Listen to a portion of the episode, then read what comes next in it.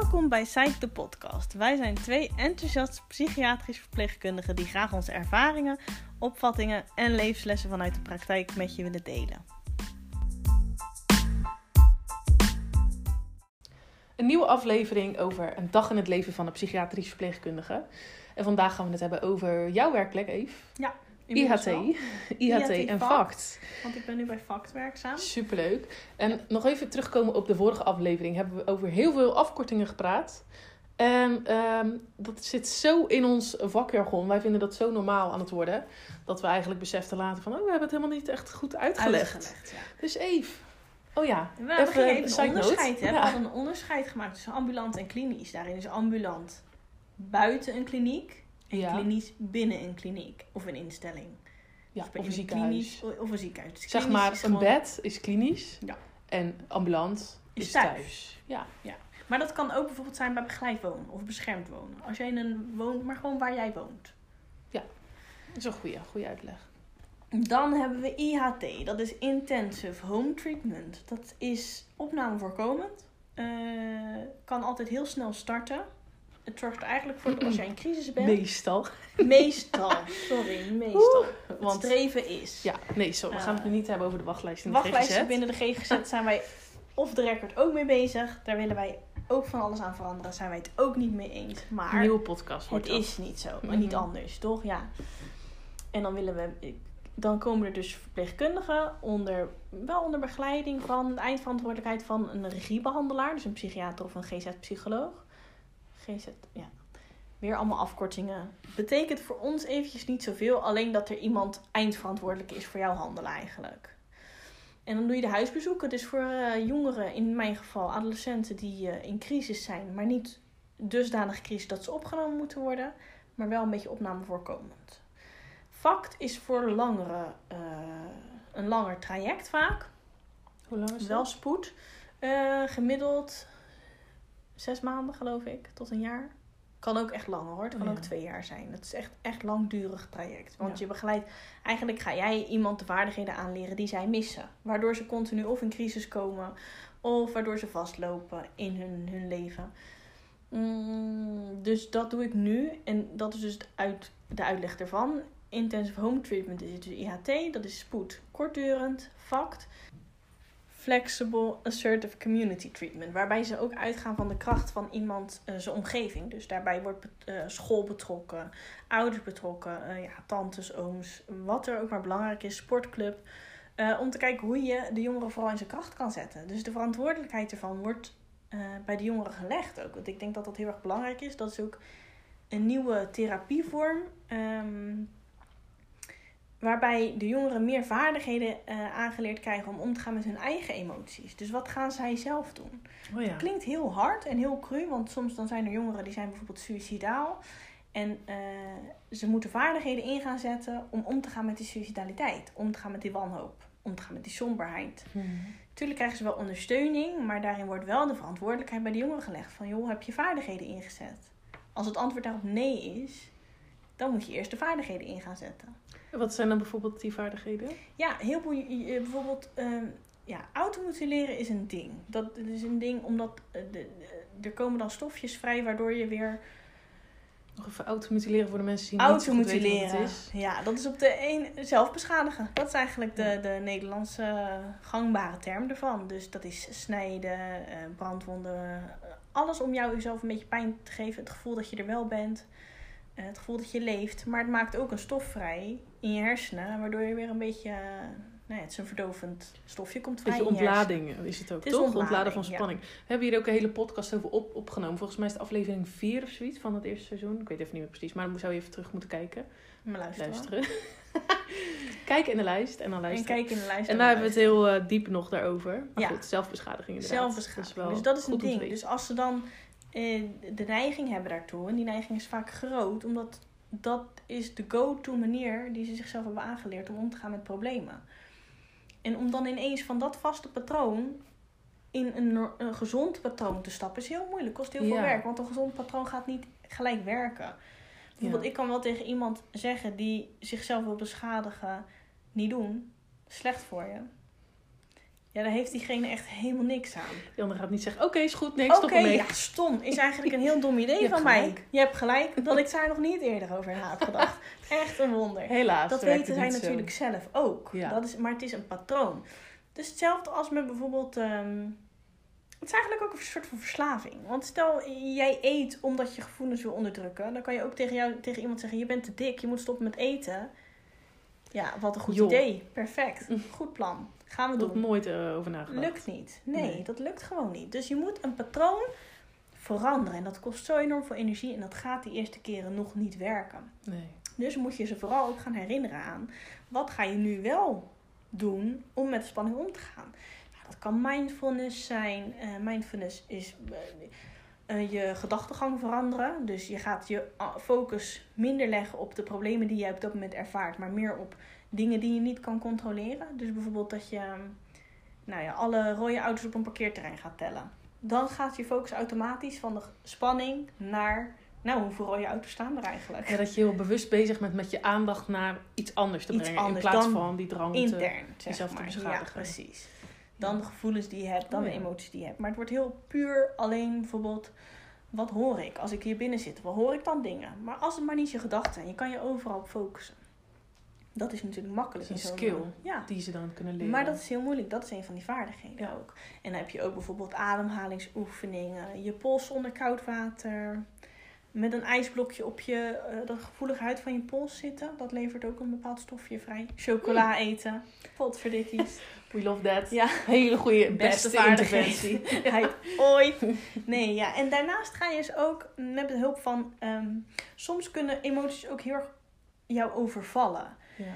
En dan leer je met behulp van een, eh, een G-schema, noem je dat. Dat zijn vijf G's. Dan leer je de correlatie, dus, dus het, de, het verband tussen jouw gedachten, je gevoel, je gedrag, het gevolg en de gebeurtenis ontdekken. Zodat het je niet meer overspoelt, maar dat jij kan denken: oké, als dit gebeurt, raak ik dusdanig uit balans door zulke gedachten. Ja. Het gaat ook weer heel erg over de bewustwording. En dan inderdaad dat, wat je zegt, omdat het zo'n patroon is geworden, dat negatieve gedrag, is het natuurlijk belangrijk om dat om te zetten naar positief of Ja, helpend gedrag. patroon, ja. En dat kost natuurlijk heel veel tijd. Mhm. Ik, eh, laatst had ik weer even een soort mini-biologielesje over neuroplasticiteit. En zeker bij jongeren heb je natuurlijk die hersenen, zijn natuurlijk die linker en die hersenrechterhelft. Zijn nog niet helemaal Die zijn nog niet helemaal goed verbonden met elkaar. Dus elke Maar keer... sowieso ook je frontaalkwap is nog helemaal niet goed ontwikkeld. Dus Nee. oorzaak gevolg zie jij nog helemaal niet. Als je Nee, dat bent. is nog heel erg in ontwikkeling allemaal. Mhm. Dus die vaardigheden die zijn daar ook heel erg op Ja. eh, gericht, toch? Omdat ja, je hersenen hebben gewoon nieuwe baantjes nodig om al die nieuwe vaardigheden, dat nieuwe Ja. gedrag te leren. ja, En hoe vaker je daarmee oefent, hoe meer nieuwe baantjes er worden gelegd. Dat klinkt een beetje gek misschien, die baantjes, maar je snapt wel een beetje Ja, als je toch? beelddenker bent, dan kan je dat wel goed zien. Als je geen beelddenker bent, nou, dan... eh, Ja, doe jij even de imagination. nee, hebt zeg maar, je hebt bepaald gedrag, dat gaat in je, in je hersenen als automatisch gedrag, als automatisme Ja. wordt dat. En dat is bijvoorbeeld ook de, de link tussen, gebeurt, tussen eh, gevoel, gedrag, Mhm. gedachten. Dat is, gaat allemaal, want als je overal zo lang over na moet denken, ben je onwijs lang bezig. Dus Ja. jouw brein doet dat slim. Die maakt er een automatisch iets van. Precies. Behalve als het niet helemaal helpend is. Dan is het heel moeilijk om dat weer te veranderen. Want je moet eigenlijk van een baantje in je hersenen, wat bijvoorbeeld eh, ja, een achtje linksom is, moet je ineens een achtje rechtsom gaan draaien. Dat is moeilijk. Dat, Ja. is, dat is heel intens om dat Mhm. ineens, want je moet je dus bewust worden van, dit is de gebeurtenis, dit is mijn gedachte. En hoe vaker jij in het begin denkt, denken die jongeren ook, ja, jeetje, ik ben dik in paniek, waarom laat je me dit doen? Ik vind het helemaal niet leuk, ik zie het nut ervan niet in.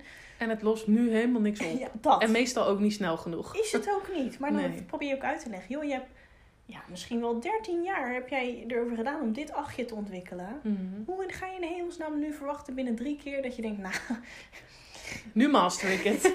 nu ben ik... eh, wereld hou je vast, want ik ben klaar voor je. Weet je wel, dat kan helemaal Nee. niet. Dus dat, dat is wel heel uitdagend. Zeker omdat je ook weet, toen ik tiener was, ik herken zoveel van mezelf ook, dat ik denk, toen ik tiener was, dacht ik ook, ja, de wereld ligt aan mijn voeten. Hallo, ik weet dit echt wel. Ja. Ik snap alles.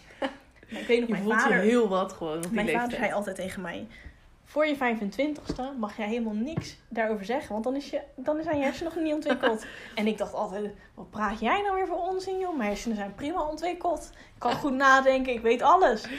En ik besef me nu steeds meer hoe ouder je bent, dat je oorzaak-gevolg ook steeds beter kunt onderscheiden. Jij weet veel sneller nu, als ik iets doe, denk ik eerst, nou oké, maar nou ben ik vrij impulsief voor, dus het zal nooit helemaal zo gaan. Maar dat is ook een karaktereigenschap. Maar het is wel meer dat je gaat nadenken als volwassen persoon, wat voor gevolgen heeft bepaald gedrag van mijzelf. En als, als tiener dacht je daar, nou tenminste ik, dacht daar echt niet over na. Nee joh. Bungee jumpen of weet ik veel wat. Enge dingen doen. Maakt doe niet uit. Het is gewoon. leuk. Oh leuk, ja doen we. Woet. Terwijl Ja. dat is dan weer het nadeel van nu. Ja. Nu denk je echt, oh als ik nu te pletten val. Oh weet je wel. Ik heb nog mijn het hele leven voor me. Ja, dus het is wel, het is echt heel erg interessant. Ja. En ik vind de manier van werken, ja, ik ben er denk ik wel een beetje verliefd op geworden. Ik wil Mm. altijd doen waar je, dat zijn wij natuurlijk ook. We zijn hele enthousiaste mensen. Dus we vinden de psychiatrie, dat is echt een soort van mijn passie geworden. En eh, het is leuk om alles gezien. Nou, niet alles heb ik natuurlijk gezien, hè, maar we hebben veel gezien. En dan een keuze te maken en dan echt blij te zijn met de keuze die je hebt gemaakt. Dat vind ik dan zo mooi aan eh, wat wij allemaal doen. Dat wij eh, toch ook wel buiten onze comfortzone proberen te stappen. Wat je ook, wat je Ja. vandaag had je daar een story over. hè? Of was dat gisteren alweer? Anders heeft zulke leuke Mhm. stories altijd. Maar goed, het ging over Overload. uit je comfortzone staan of erin. Weet je wel? Dat je dan toch, je moet een bepaalde drempel over voordat je dat doet. Maar ik denk Ja. dat het, het le- je, je leert er altijd van. Ja. En dan zeg maar Zeker. retrospectief, dus terugkijkend op. Dat je dan blij kan zijn met de keuze die je hebt gemaakt. Ja, Ondanks dat- dat... je super bang was. ja, dat het wel toe bijdraagt aan datgene wat je uiteindelijk heel vet vindt om te doen. Ja. Ja. Leuk. Ja. Echt leuk om te horen. En ik, kan, ik hoor ook dat je heel enthousiast bent erover. En Ja. dat je echt heel veel hebt geleerd. Dan denk ik, oh wauw. ja, in een korte tijd leer je heel veel. Maar dat wil komt misschien ook, wel denk ik... Oké. Nou ja, dat was even mijn enthousiaste, enthousiaste uitbarsting. Werken met soap, dat gaat gewoon goed. Dus daar word ik altijd vrolijk van. Dat is, eh, dat- dat- ik denk dat we daarom ook vriendinnen zijn geworden uiteindelijk. Wij eh werkten gewoon heel chill met elkaar. En je leert in, in de psychiatrie leer je op elkaar bouwen of zo. Dus je hebt Ja, instant echt bek vertrouwensband. nodig. Ja. Ja. En als jij dat vertrouwen hebt, dan kan je compleet en totaal jezelf zijn. En dat vind ik zo mooi aan de psychiatrie. Niet dat dat in het ziekenhuis bijvoorbeeld niet zo is voor. Maar het past gewoon veel beter bij mij. Ja. En zeker wat, ik, wat we dan zeiden, dat wij we zijn een beetje tegelijk opgelopen. En dan eh, trekt de ene keer weer de ene het voortouw en de andere keer weer de andere voor het voortouw. Maar ook gewoon eh, dat je, nou ja, ja, leuke ervaringen gewoon. En Ja. ook inderdaad ze allebei leren en ook wel een beetje dezelfde interesses. ja, scheelt ook. Ja, dat is echt zo. Ja, En, dan nu eh, IHT-vak dus. Zit je helemaal IHT op je heb ik plek. daarvoor ook al gedaan. Inderdaad, Ja. dat is wat spoeten dan. Maar ik vind vak toch ook wel leuk. Meer behandelen. Dus je gaat Ja. ze echt meenemen in dat hele traject. En Meer diepgaandere gesprekken misschien ook. Ja, ja, ook. Want hoe, hoe ziet een dag voor jou er dan uit? ja, je begint altijd... eh, wij, eh, je werkt bij het ambulant kan je kiezen voor 4 keer 9 uur. Dus dan heb je gelijk je fulltime baan in vier dagen. Wat ik heel Lekker. ideaal vind. Ja. Ja. is echt wel fijn. Regelmatig. Dus je hoeft geen avonden, geen nachten, geen weekenden, feestdagen ben je nachten, vrij. nachtdiensten. Nee. Oh. Feestdagen, je hoeft niet meer te kiezen. Kerst of oud en nieuw, je bent gewoon allebei vrij. En dat, nou ja, dat, dat is gewoon een voordeel, laten we wel wezen. Mijn omgeving zegt dat ook, want ik ben een stuk stabieler qua emoties gezien. dat is eh, alleen maar mooi meegenomen. Nachtdiensten, labielheid. Oh, met nachtdiensten, dat niet je aanwezig. heel labiel wordt. Dat is zo intens vermoeiend. Het is leuk, want je leert in de nacht ook weer een heel andere kant van iemand kennen, denk ik altijd. Want je, bent, Ja. je filter is weg, want je bent gewoon moe. En dat vind ik altijd wel heel interessant. Dat is gewoon leuk. Maar hier heb ik dat niet. Vind ik heel fijn. Je begint, eh, we hebben een overleg om kwart over negen, eh, om alle ACT-patiënten, cliënten te, te behandelen. Dat zijn dus de, de patiënten, die cliënten, die eh, ehm, de jongeren, laten we het even zo zeggen, de jongeren Mhm. die snel in crisis terechtkomen of de jongeren die eh, opgenomen zijn. Oh, Oké, dus alle nieuws en de belangrijkste dingen neem De, je dan de, even de door. mensen die wat een beetje uit hun evenwicht Oké. raken, Ja. die komen op een ACT-lijst. Dat wordt via een bepaalde score gedaan, de schap-score of iets dergelijks. Dat Gap? is GAP. Oh. Ja, of, of GAF. Ik weet het niet meer zo goed. ik heb het allemaal gelezen, maar ik werk er ook pas sinds kort. Dus ik- ja, ik, logisch. Je hoeft ik het ook niet allemaal te weten. Ik hoef het nog niet allemaal te weten. Het gaat er in ieder geval over dat je hebt een bepaalde score op welke vlakken jij functioneert of niet functioneert. En daar krijg je Mhm. punten voor. Ja, En gaf je- is dat ja, denk ik. Oké, nou Ja. als jij dan onder de 20 scoort of onder de 40, weet ik veel, weet ik niet zo goed. Dan kom jij op die ACT-lijst. Dus dan Oh, ben ja. je spoed. En dan, dus dan betekent eigenlijk je functioneert op niet zo heel erg veel vlakken. Omdat het gewoon niet zo goed gaat met jou, psychiatrisch gezien. Wie vult die Dus- score dan in? Doe je dat elke dag? Ja, dat doe jij voor jouw eigen patiënten. Zeg Oh, maar. Niet elke dag helemaal die score invullen, maar het is bekend dat zij die score hebben. Dus moeten ze op die lijst. Precies. En dan moeten ze op die lijst. En dan bespreek je ze dagelijks. En Ja. anders bespreek je ze één keer in de zoveel weken tijdens een MDO. Oh ja, Dan komen ze ook op een lijst. Eh, dus er is, en er is altijd bij zo'n overleg is een psychiater, de psycholoog, orthopedagoog die doet onderzoeken, die zit er ook bij. Ehm, een basisarts die doet medicatiespreekuur. Dat doe ik toevallig ook. Hm. Ook heel leuk, ja, ja, ja. Leuk. Allemaal nevenactiviteiten kan je erbij Zo. doen. Dat is echt leuk. En, eh, en eh, die, dan begin je dat overleg, het duurt drie kwartier. En dan kan je daarna je huisbezoeken gaan plannen. Hm. Je doet beeld, nu in corona doen we veel beeldbelafspraken of wandelen. Maar eh, gewoon, eh, je hebt een bepaalde frequentie dat je ze bezoekt. Sommige één keer per week, sommige één keer per twee weken, sommige twee keer per week. Dus niet heel intensief. En die kan je dan gaan plannen voor de rest. eh, tenminste, die plan jij voor een hele week. Niet op je vrije dag natuurlijk. En daarna ga je gewoon op huisbezoeken. Dus je doet een uurtje per huisbezoek gemiddeld. Maar daar hangen ze ook niet aan vast. Dus dat kan ook een half uurtje. En als die jongere op een gegeven moment denkt... Ja, Eve, ik ben echt compleet overprikkeld van je. Trekt dit niet meer. Stop. Ja, dan stoppen we. Dat is ook gewoon prima. Daarin ligt de- regie wel bij de jongeren zelf. Zij moeten zelf de hulpvraag formuleren. Waar hebben ze hulp bij nodig? Waar kunnen we bij helpen? Ja. De interventies liggen bij ons. Bijvoorbeeld die vaardigheden. Dat je ze leert hoe kunnen zij met paniek, emoties, gedachten omgaan. Ehm, maar tegenwoordig hebben ze bij jullie dus ook iets nieuws. Mijn district heet dat. Mhm. Ja, zo'n app. Ja, een app. Dus dan kunnen en ze zo. zelf modules kiezen Ja. om te gaan doen. En daar kan jij ze bij begeleiden. Dus Oh, ook ja. heel leuk, interessant. Zeker in de coronatijd. Ja. Maar verder ook vooral veel naar buiten. Dus een beetje achter die schermen vandaan. Goed dat is zo. ook wel een ding. Beetje in je lijf, minder in je hoofd. precies. Dus dat. Dus dat is echt wel leuk. En ze doen nu tegenwoordig ook allemaal van die groepjes oprichten met eh, trainingen. Dus dan doen ze bepaalde groepstrainingen. Oh ja? Ja, leuk. En dan kan je voor jouw jongeren bijvoorbeeld voor aanmelden. Oh.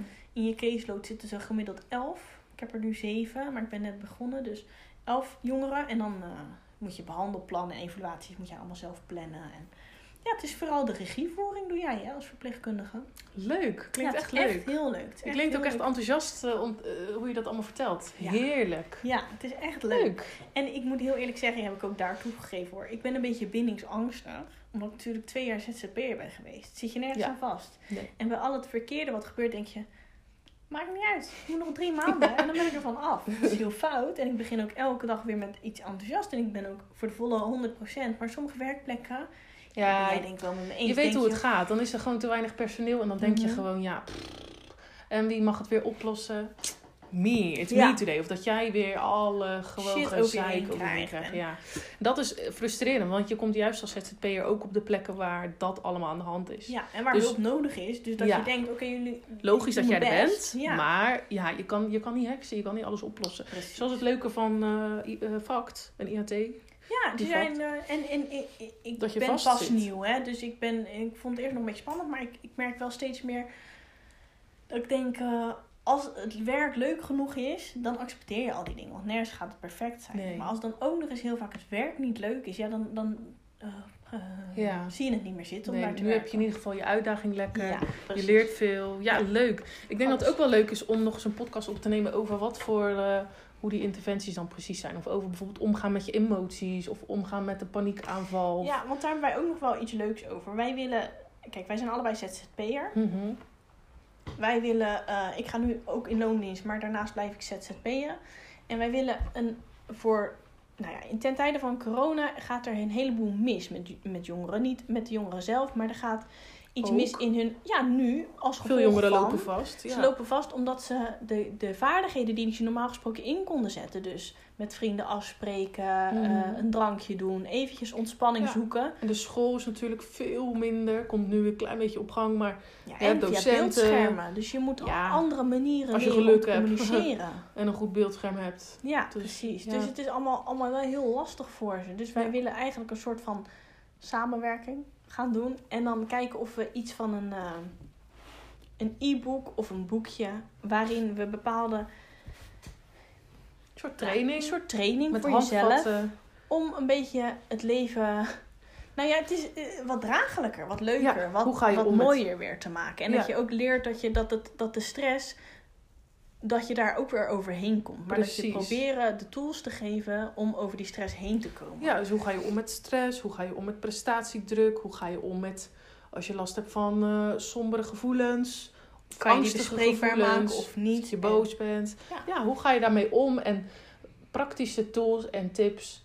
eh, en misschien ook een soort van praatgroepje of een ruimte waarbij mensen kunnen ventileren. Dus dat staat een beetje in de kinderschoenen. Zijn we nog zijn we over bezig? Zijn we overwegen, maar dat is wel een idee waarvan we denken, nou dat vinden wij heel erg belangrijk. Ja. Omdat we zien inderdaad dat het wel Het nodig is nodig. is. Ja, er is echt, het is echt een bijdrage nodig om jongeren weer een hart onder de riem te steken. En ook zelf krachtig te maken om eh, om te gaan met al dat soort dingen in het leven. Ja. Want En- uiteindelijk ontkom je er niet aan. Nee. En nu in die pandemie zie je ook maar van ja, hè, als, je, als je het slecht getroffen hebt in je leven en ook nog eens weinig vaardigheden hebt en de omstandigheden in je leven zijn zo dat het gewoon heel moeilijk is, Ja, en soms ja, dan, dan is het een grote uitdaging om je hoofd boven water te houden. Ja, en soms is het ook cultureel gebonden. Hè? Dat, dat, dat, dat- in sommige culturen bestaat psychiatrie wordt een beetje eh, niet erkend. En dat maakt het Ja. ook nog eens heel lastig als jij sommige gevoelen hebt, gevoelens hebt en je mag die eigenlijk niet hebben. Dus dan Mhm. komt er een soort van interne strijd, denk ik, in jou los. Ja. En eh, we willen wel een soort van eh, daar ook begrip voor hebben. Dus ja, dat allemaal meegerekend. ja, dat het voor iedereen Voor iedereen willen we dan een, een, een- een- Precies, dat het gewoon een soort van elke generaliseerbaar... Ja. Inderdaad. Dus dat. Nou, volgende podcast hoor je meer over een dag in het leven van ons. In de serie. Dus ehm, heb je vragen hierover? Heb je vragen aan Eva over het IHT of over het FACT? Of heb je vragen over ons eh, plan over de jongerengroep, het e-book wat we gaan maken? Ja, de en daarin wil ik wel zeggen dat ik inderdaad, net als de vorige keer, niet alles weet. Zeker niet zelfs. Maar wij kunnen altijd kijken naar eh, mogelijkheden hoe we wel het antwoord kunnen krijgen. Precies. Nou, tot de volgende. Tot de volgende. Leuk dat je hebt geluisterd naar deze aflevering. Heb je een vraag? Stel die dan gerust via Instagram. En wie weet hoor jij het antwoord in de volgende podcastaflevering. Wil je ons laten weten wat je van deze podcast vindt? Laat dan een review achter op iTunes. Dankjewel!